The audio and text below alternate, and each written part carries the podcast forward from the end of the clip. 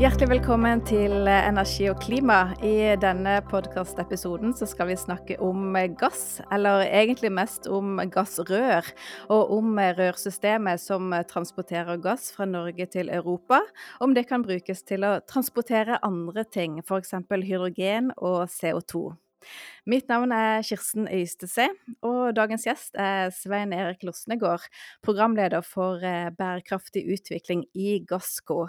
Velkommen, Svein Erik. Jo, takk for det. Du, skal begynne bare litt med å rydde i rollene, altså forklare litt hvem Gassco er. Dere er jo et 100 eh, eh, statlig eid selskap. Dere har eh, operatør- og driftsansvar for all transport av gass fra Norge og norsk sokkel, men uten å verken eie gassen eller rørene. Er det riktig? Det stemmer. Gassco ble oppretta i desember 2000. Det var jo pga. gassdirektivet som kom da, som sa at uh, den som opererte gassystemet, måtte sikre lik tilgang for uh, alle som hadde behov for å få tilgang uh, til systemet. På den tida så var det Equinor, eller Statoil som heter det da, som opererte systemet på norsk sokkel. Og de var da gått på børs. Så da måtte det opprettes en nøytral entitet som kunne ta seg av de oppgavene som tidligere Equinor hadde og det ble da Gassco. Så etter å ha bygd opp eh, organisasjonen i løpet av et års tid, så overtok de operatøransvaret for transport av allgass fra norsk sokkel til Europa i, eh, i, helt i starten av 2002. Og i dag så, så er det en organisasjon med 349 ansatte. Mesteparten jobber på hovedkontoret på Bygnes på Karmøy. Men vi har òg noen ansatte som jobber på mottaksterminalene på kontinentet i Europa og i, og i Storbritannia. Uh, helt rett, som du sier, uh, med et statlig eid selskap uh, og ligger under Olje- og energidepartementet. Og oppgaven vår er jo å være en nøytral og uavhengig operatør av transportsystemet for gass fra norsk sokkel til Europa og Storbritannia. Og i det så ligger på en måte ansvaret både for daglig drift, for booking av eh, selve bruken av gassystemet. At de som vil ha gass gjennom systemet, booker kapasitet via Gassco. Og ansvar for utviklingen av systemet videre. Og Det kan vi komme litt inn på senere. Det innbefatter jo det som du var inne på. Mulige nye verdikjeder som hydrogen og CO2. Mm. Og så må vi ta litt i historien til selve rørsystemet, for det er jo eldre enn en Gassco.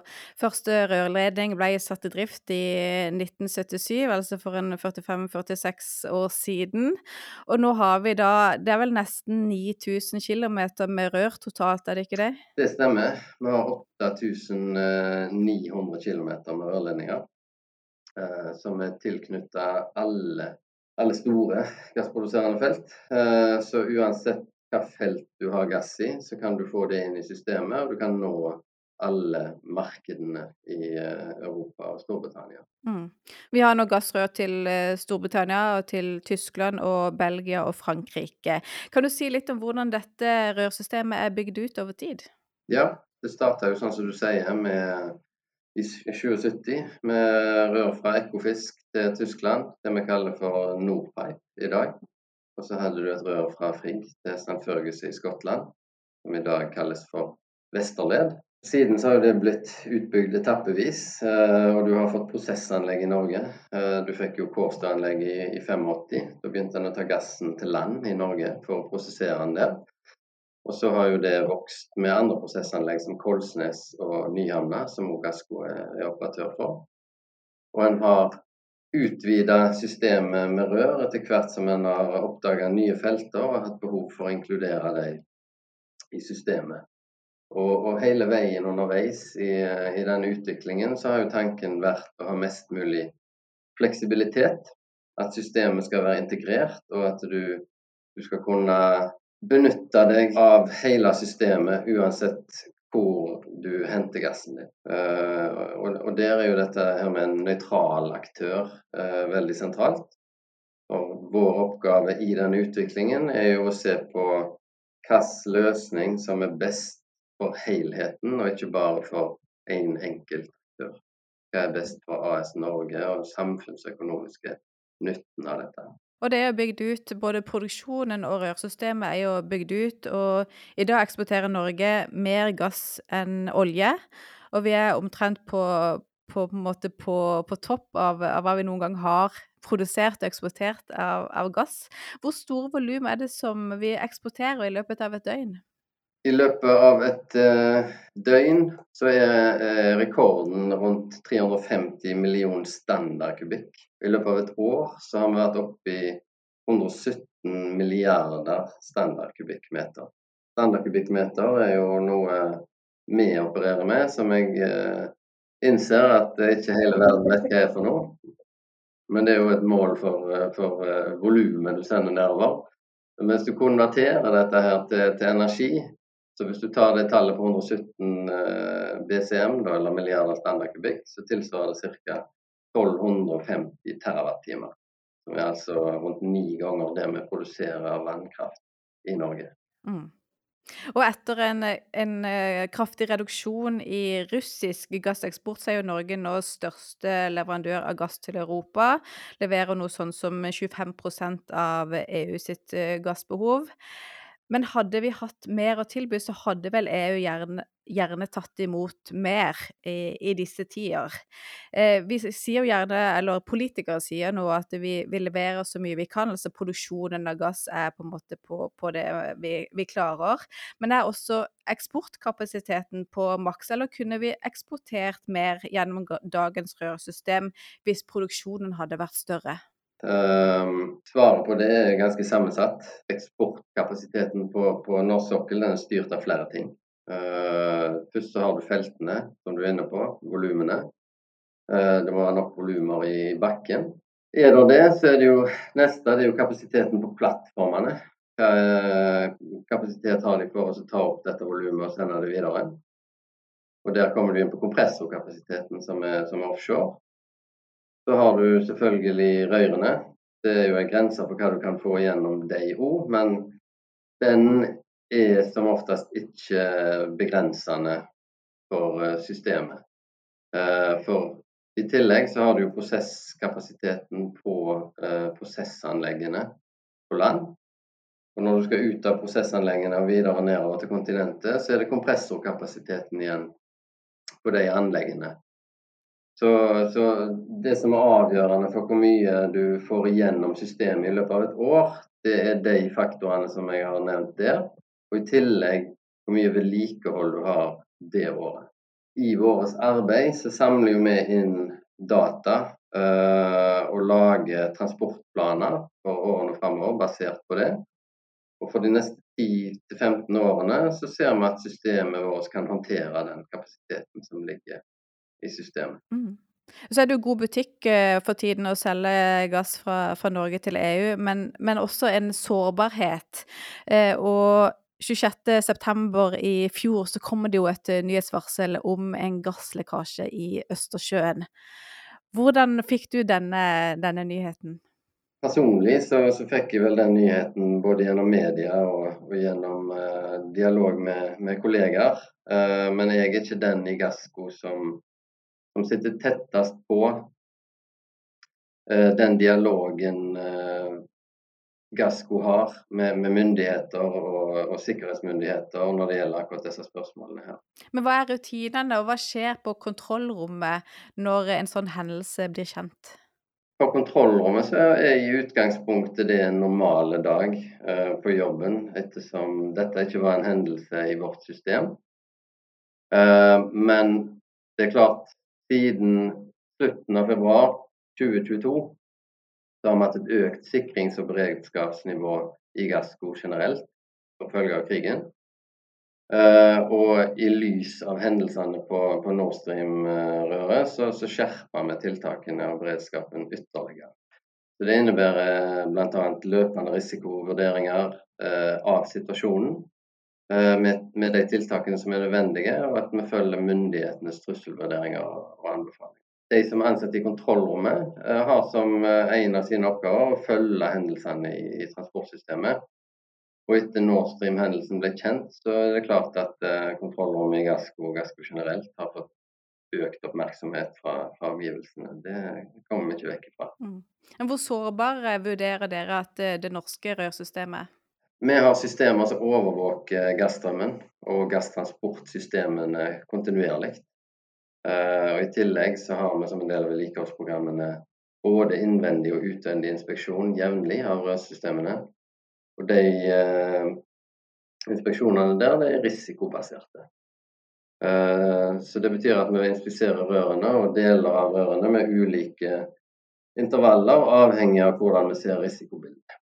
Og situasjonen som oppsto eh, som følge av den hendelsen du nevner, den har økt. Eh, gjort til at vi har økt oppmerksomheten på, pårørende. Men detaljene i det eh, kan jeg ikke gå inn på.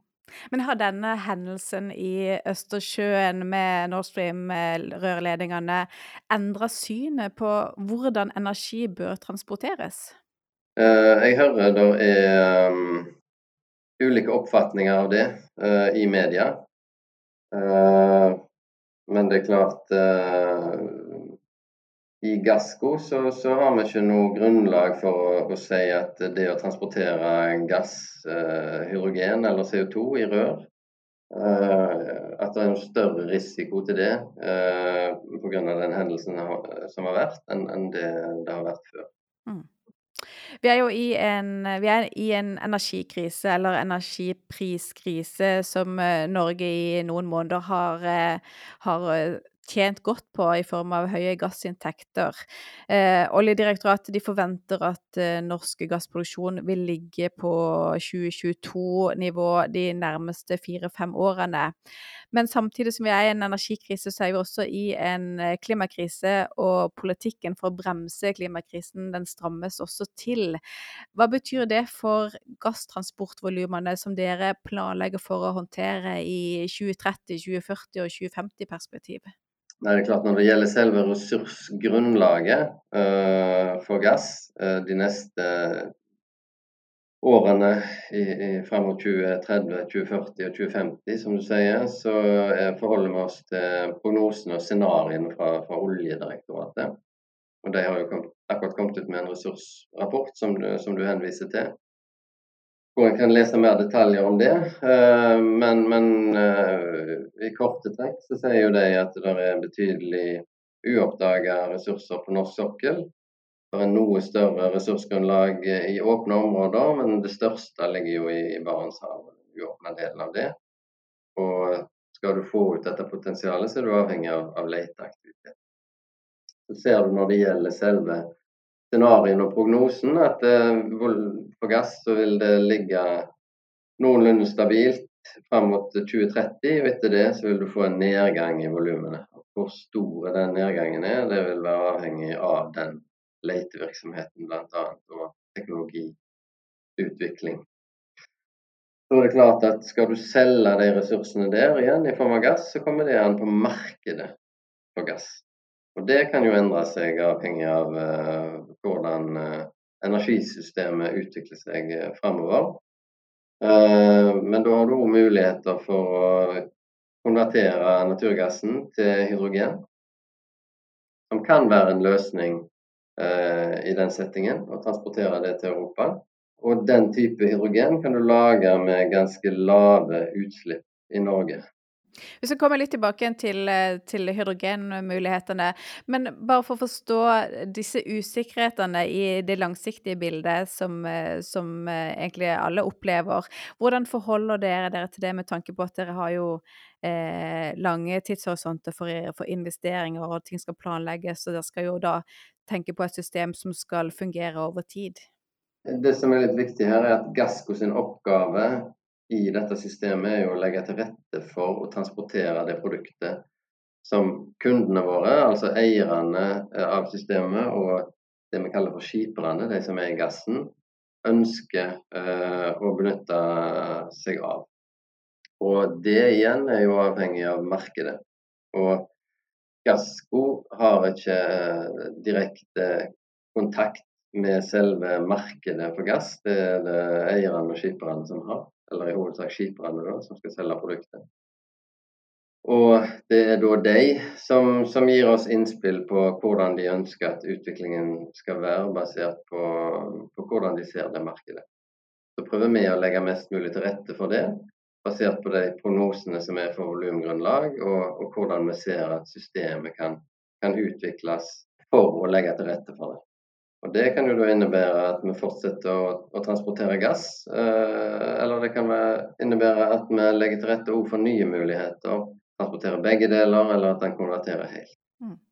Og så til spørsmålet om andre gasser. Så hva er potensialet for å bruke dagens rørsystem til eh, transport av hydrogen og eller CO2? Altså vil, det, vil rørene fungere like bra til det som de fungerer til å transportere fossilgass? Ja, altså eh, i, i, en del år nå så har vi FoU bygd kunnskap rundt dette her. Eh, om nye verdikjeder, både hydrogen og CO2, som du, som du er inne på, eh, gjennom FoU-aktiviteter. En del av det har vært å se på hvordan kan eventuelt disse rørene gjenbrukes, i tillegg til selvfølgelig å se på lære mer om selve verdikjeden. Basert på det arbeidet så, så uh, antar vi at de rørene kan brukes, eh, både CO2 og hydrogen. Men dersom en konverterer eksisterende rør til enten hydrogen eller CO2, så vil det ha en påvirkning på operasjonsbetingelsene. Mm.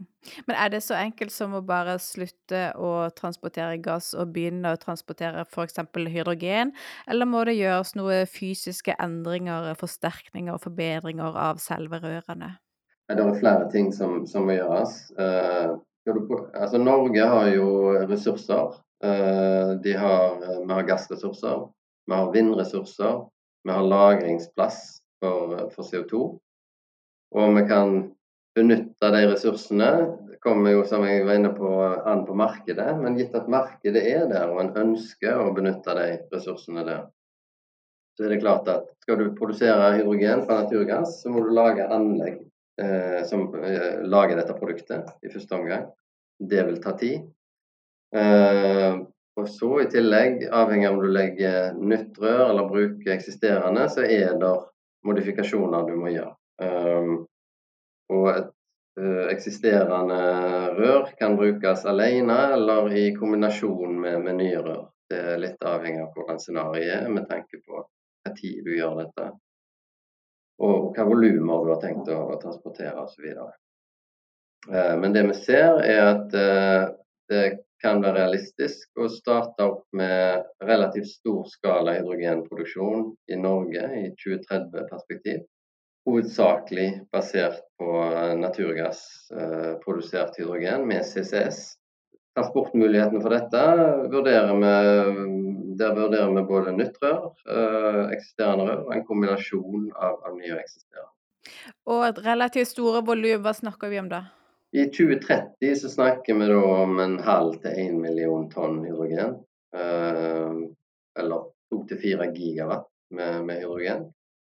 Over en tiårsperiode så kan du potensielt øke den produksjonen fra, fra en halv til en million tonn opp til to og en halv til tre millioner tonn. Avhengig av markedet. Uh, og når du er oppe i de størrelsene der, så er du oppe i uh, rundt 100 TWh i året uh, med hydrogen. Så litt mindre enn en tiendedel av dagens gasseksport, da? Ja. Skal du produsere samme mengden, altså de 100 TWh med, med fornybar kraft, altså såkalt grønn hydrogen, så må du bruke ca. hele den offshore vind-lisens eh, eh, på 30 gigawatt som myndighetene nå har lagt opp til 2040 på å produsere hydrogen. Og med det så, så, så er ikke det ment å være forkleinelse for den type produksjon, men det vil ta tid å bygge opp den nå. Der vil en vel være avhengig av å bygge ut fornybar kraft, og at du kan bruke den fornybare kraften til å produsere grønn hydrogen eller fornybart hydrogen. Men det òg kan være med å bli etablert pga. disse store volumene som du kan produsere av naturgass. Så kan du legge til rette for å få inn mindre volumer av, av uh, fornybart hydrogen underveis og bygge opp uh, det over tid. Mm. Men dette med å enten eh, bygge nye rør eller bruke eksisterende rør, hva er det vurderingene inneholder når dere ser på eh, de to alternativene? Det er jo både tekniske og økonomiske vurderinger. Eh, og energimessige vurderinger. Det er klart, vi har f.eks. tre rør som går til Tyskland i dag. Og vi jobber jo i norsk-tysk samarbeid med å se på en hydrogenverdikjede fra Norge til Tyskland. Eh, bruker du et av de eksisterende rørene, så vil det si at du kan levere mindre gass ned til, til Tyskland hvis du tar ut et gassrør og konverterer det og kun transporterer hydrogen. I oppstarten så vil det hydrogenvolumene være lave. Og Det vil si at eh, Eh, du kan levere mindre energi totalt sett til Tyskland enn det du gjør i dag. Så hvis det tyske markedet ønsker å ha mest mulig naturgass ned, så er jo det en ting som taler for et nytt rør. Hvis du skal ha et nytt rør, da, så trenger du i enda større grad en forpliktelse. altså Da trenger produsentene en sikkerhet for at det da er et avtak for de volumene eh, de skal ha inn i det røret. For Når du bygger et sånt rør, så vil du dimensjonere det sånn at det òg tar høyde for framtidige volumer at det hensyntar den oppskaleringen som jeg eh, var inne på i løpet av 2030-tallet, og kanskje noen framtidige volumer. Sånn at da vil det være en større investering enn du hadde trengt å ha bare for de begynnende volumene. Og nå nerder vi litt ned i detaljer her, men dette er jo interessant, for du nevnte jo et volum på, på, rundt en, en halv til en million tonn hydrogen rundt 2030. Og hvis du snakker da om ett rør til Tyskland, hvor store volum kan et sånn rør? Rør ta? Eh, når vi ser på de løsningene eh, i den fasen vi er i nå, som er i det vi kaller for feasibility-fasen, som er relativt tidlig, så det er tanken at det røret skal ha en dimensjon som, eh, som tilsier at du kan transportere fire millioner tonn med hydrogen gjennom det. Da har vi tatt hensyn til de volumene som kommer fra eh, hydrogen produsert med naturgass, og òg en eventuell oppskalering av eh, fornybart eller grønn hydrogenproduksjon. Både i Norge og òg langs røret, med muligheter for å ta inn hydrogen fra energiøyer både i Danmark og i tysk og nederlandsk sektor.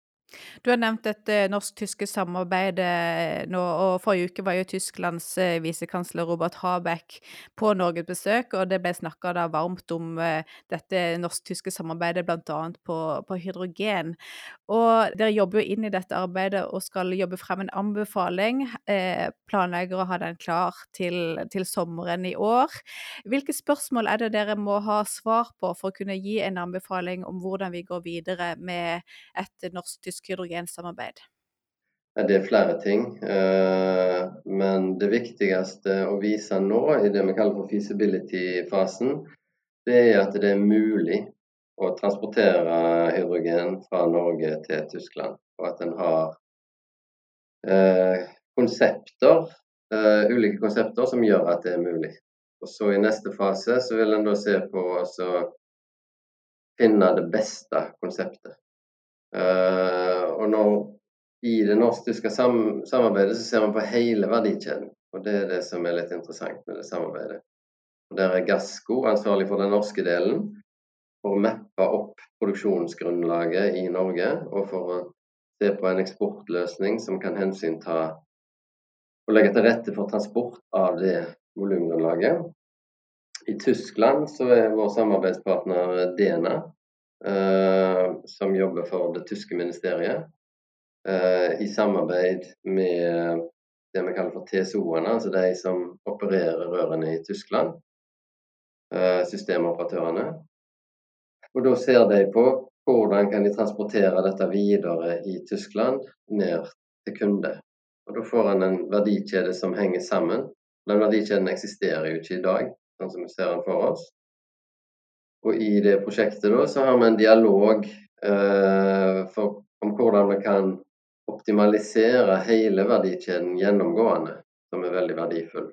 Eh, og, og, det er òg eh, en verdifull leveranse på en måte av det prosjektet. At en har den dialogen, og at de individuelle industrielle prosjektene snakker sammen for å finne en felles løsning som er best mulig uh, i, i, det gjennomgående systemet. For det som er viktig å ta med i det norsk-tyske samarbeidet, er at det er et arbeid for industrien av industrien. Så det grunnlaget vi nå jobber på plass uh, fram til sommeren, det er det, som, det beslutningsunderlaget industrien må ha for å ta en beslutning om å gå inn i neste fase.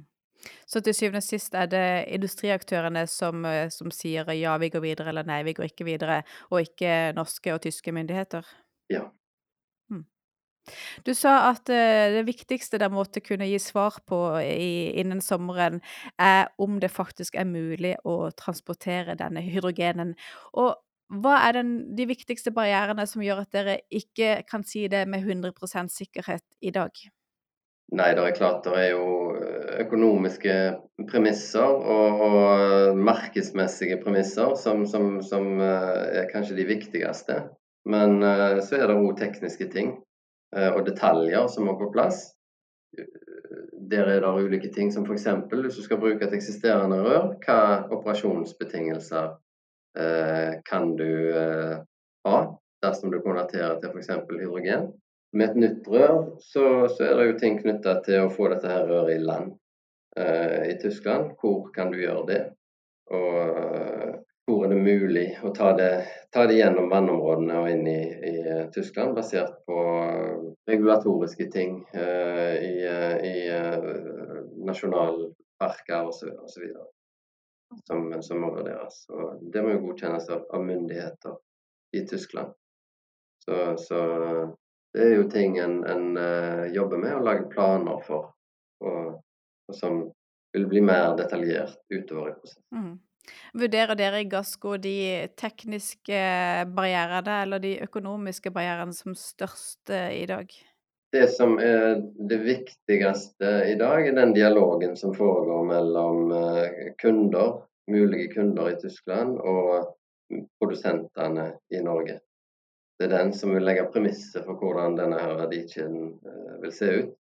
Så, så avhengig av, av, hvordan den dialogen går, og på en måte hva sikkerhet produsenter i Norge har for at det vil være et avtak og et marked for hydrogen i Tyskland, kombinert med sikkerheten kundene har eh, for at det blir levert eh, volumer fra Norge, det er, er, den som ligger i bånn her.